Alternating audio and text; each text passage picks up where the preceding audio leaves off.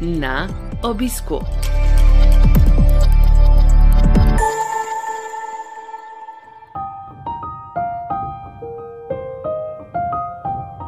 Dobrodošli v novi epizodi serije podkastov na obisku, ki nastaja v produkciji Slovenskega združenja bolnikov z limfomom in leukemijo.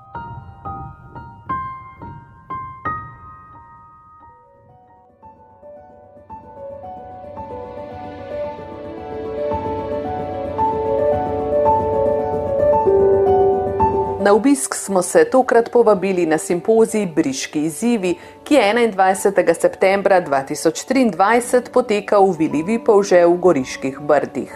Organizatorja, to sta Goriško zdravniško društvo in Društvo za boj proti raku in drugim kroničnim boleznim Korak, sta strokovno srečanje ob svetovnem dnevu limfoma posvetila obvladovanju bolečine pri hematološko-onkoloških bolnikih v ambulantah osebnih zdravnikov in specialistov.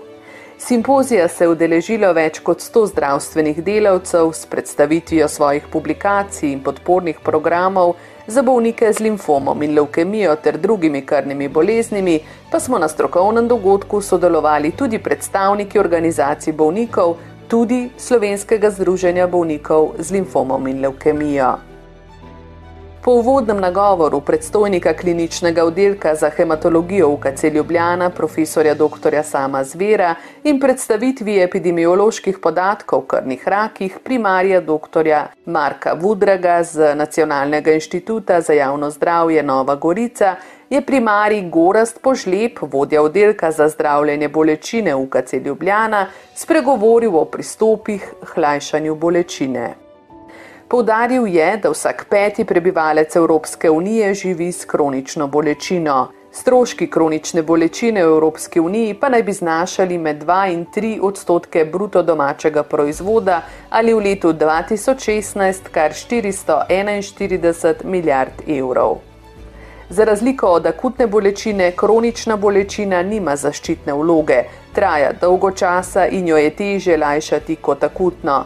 Sindrom kronične bolečine spremljajo stalna fizična bolečina, emocionalna motnja, socialna izoliranost ter onesposobljenost, zato je bolečino treba zdraviti po tako imenovanem biopsihosocialnem pristopu in ne kot samostojen simptom.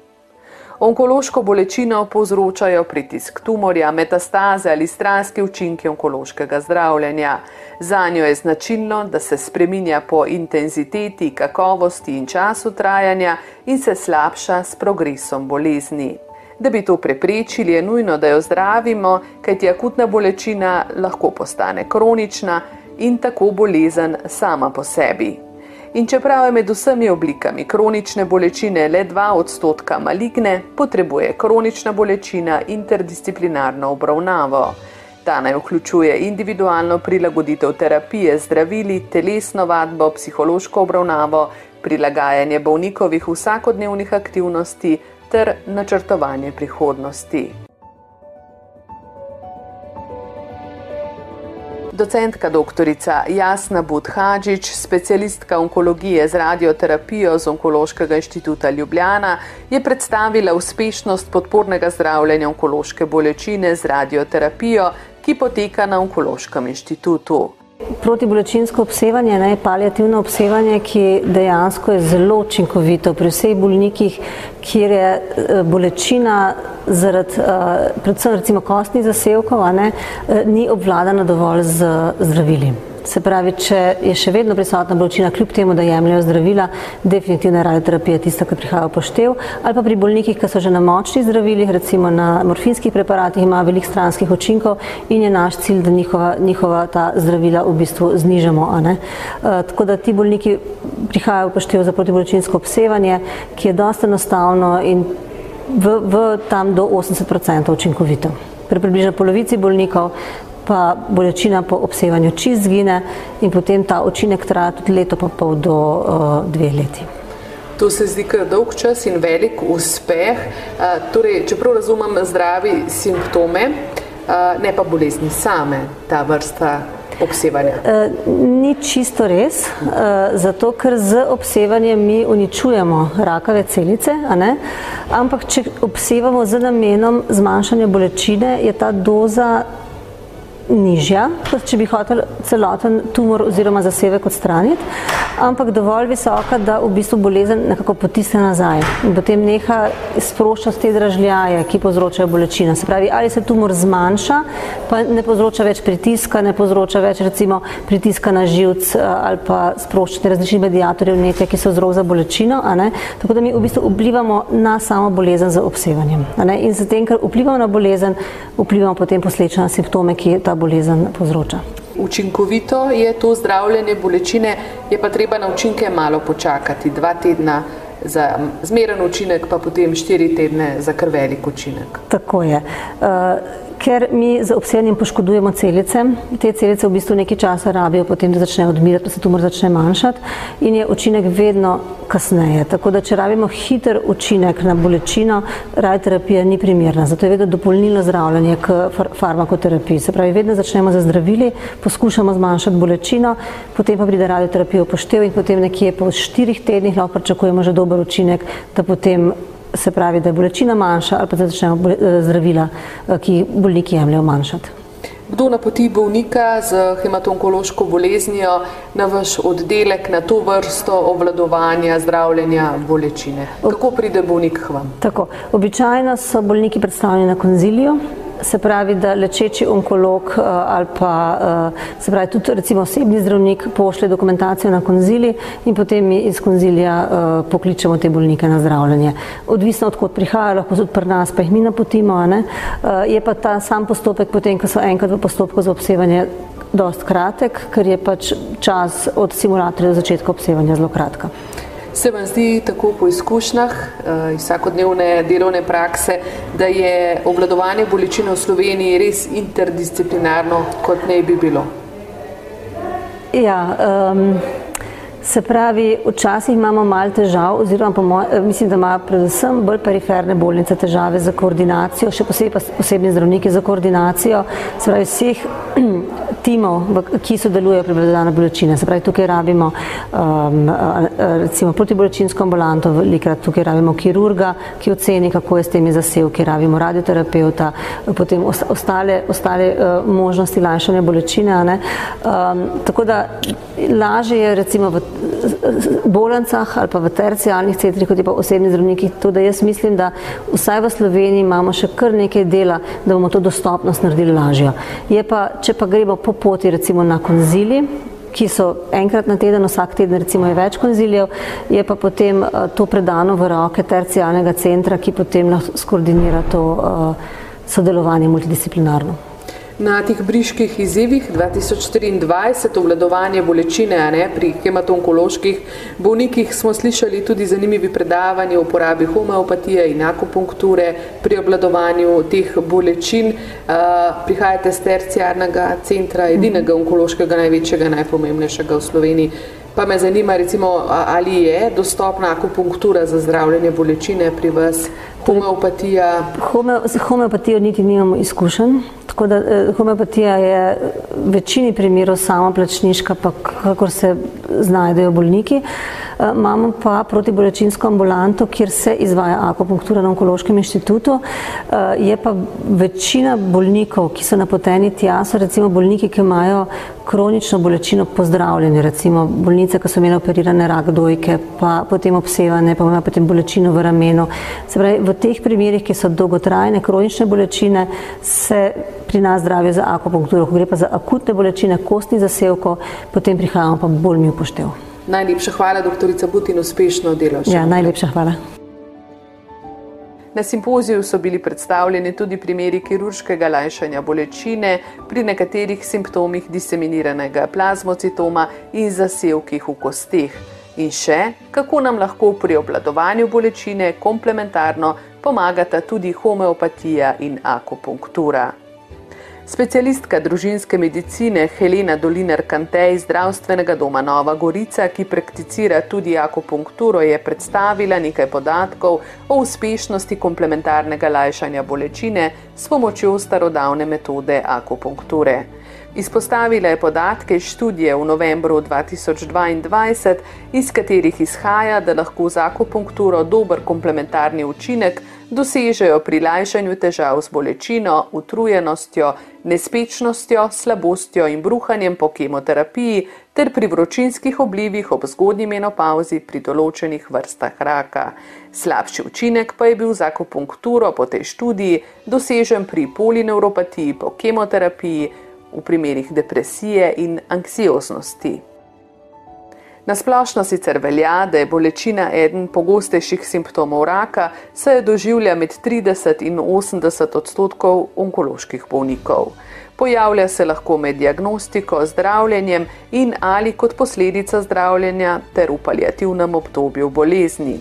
Bolečina pri bolniku budi nelagodje, strah in potrtost, svojcem pa zbuja občutek nemoči, tesnobe in žalosti. Nezdravljena močna bolečina hkrati povečuje možnost zapletov samega onkološkega zdravljenja in pomembno zmanjšuje kakovost bolnikovega življenja. Ob zaključku simpozija je soorganizatorka primarika Nataša Fikfak, specialistka interne medicine in hematologije iz splošne bolnišnice Franca Drganca v Novi Gorici, izpostavila, da nikakor ne more sprejeti dejstva, da je treba bolečino sprejeti in jo trpeti, saj da trpimo dovolj že zaradi same hematološko-onkološke bolezni. Z doktorico Fikfak smo se na kratko pogovarjali o obravnavi bolečine v klinični praksi. Primarika FIK-FAK, eh, briški izzivi, simpozij obladovanja bolečine pri hematološko-onkoloških bolnikih. Eh, zakaj ta tema, kako pomembna vsebina je bolečina pri tej vrsti bolnikov? Soočanje z bolečino je eden, edina težava, ki jo bolnik začuti, eh, namreč bolnik ne ve, da ima spremembe v krvni sliki, da ima diagnozo ene od krvnih bolezni, ampak bolečina je pa tisto, zaradi česar išče našo pomoč.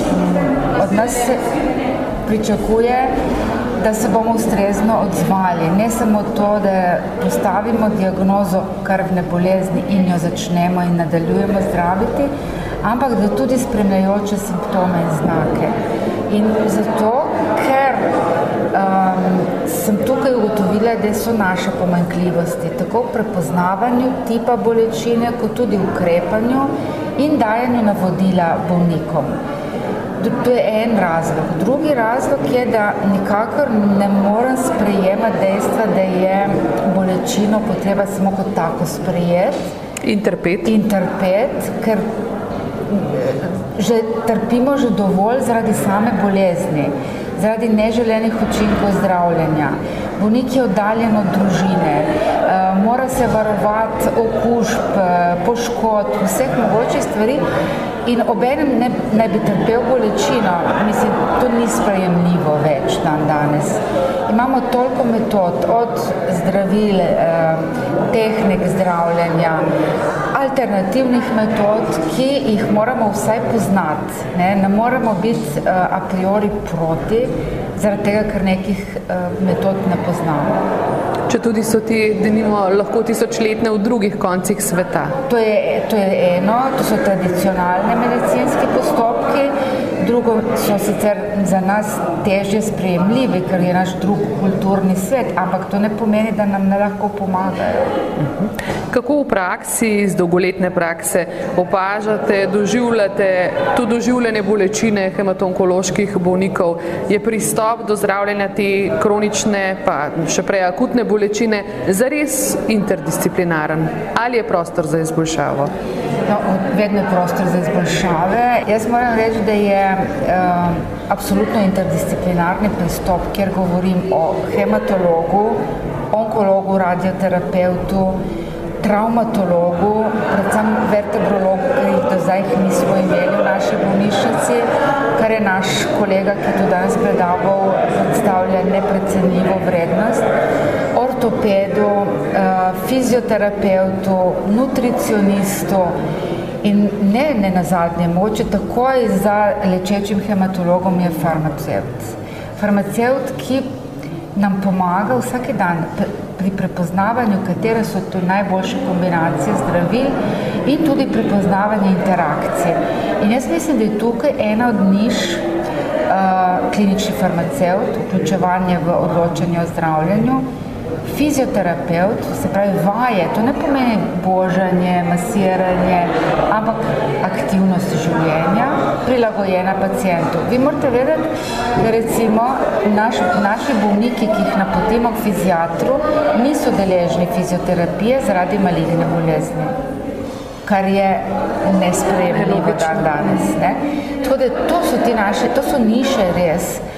Želimo si interdisciplinarni pristop. V COVID obdobju smo se naučili uporabljati digitalne možnosti in med, medsebojne komunikacije in to je to. Ni potreba, da se premikamo. Zdaj vemo, da ste zelo navezani na svoje bolnike z diseminiranim plazmocitomom, veliko krat jih omenjate, pa vemo, da je to oblika krne bolezni, ki povzroča največ bolečine, če danes o tem govorimo. V bistvu to je edina krvna bolezen, eh, ki je lahko razlog za bolečine in tudi iz tega razloga je bila izbrana ta tema za, za današnji simpozij. To pa zato, ker eh, z celokupnim zdravljenjem plazmocitomov smo jim podaljšali preživetje in želimo, da bo to življenje čim bolj kvalitetno. In mi jim lahko pomagamo s tem, da prepoznamo in da znamo zdraviti. Še odziv strokovne javnosti, kaj ti simpozij je bil za strokovno javnost dvorana, tukaj le v Vili Vipov že je bila polna, pa ne prvo leto. Ja, sem vesela, da sem vključila v naše tako v predavatelje, kot tudi v publiko um, različne profile. Ne. Tukaj želeli smo, da se nam pridružijo družinski zdravniki, ki so bili aktivno udeleženi, pa tudi veliko jih je bilo poslušalcev kirurške stroke, eh, fiziatre so tudi bili zraven, no pa internistika kot taka. Eh, tako da ja, odziv strokovne javnosti je, moram reči, bilo veliko medicinskih sester, nekaj eh, patronažnih sester, kar sem jih prepoznala in kar mi je veliko čast in ponos, so bili tudi iz bolnišnice Izola. Sestre, s katerimi zdaj delujem, tudi dol v ambulanti. Tako da premikajo se stvari. Odlično, najlepša hvala in uspešno delo. Hvala. Ker je med ljudmi še vedno pogosto zmotno prepričanje, da so močna zdravila manj učinkovita, če se z njimi bolečino zdravi prezgodaj ali se jih jemlje prepogosto, telesno pa tudi duševno bolečino včasih raje trpijo, namesto da bi v njej poročali zdravstvenim delavcem, ki jo lahko dobro zdravijo in jo bolniku povsem ali pa vsaj v veliki meri oduzamejo. Zato je pomembno, da bolečine ne trpimo v tišini, ampak o njej povemo zdravstvenim delavcem ter prosimo za pomoč pri lajšanju bolečine. Hvala za poslušanje še ene epizode podcasta na obisku, ki nastaja v produkciji Slovenskega združenja bolnikov z limfomom in leukemijo. Lepo zdrav in k malu naslišanje.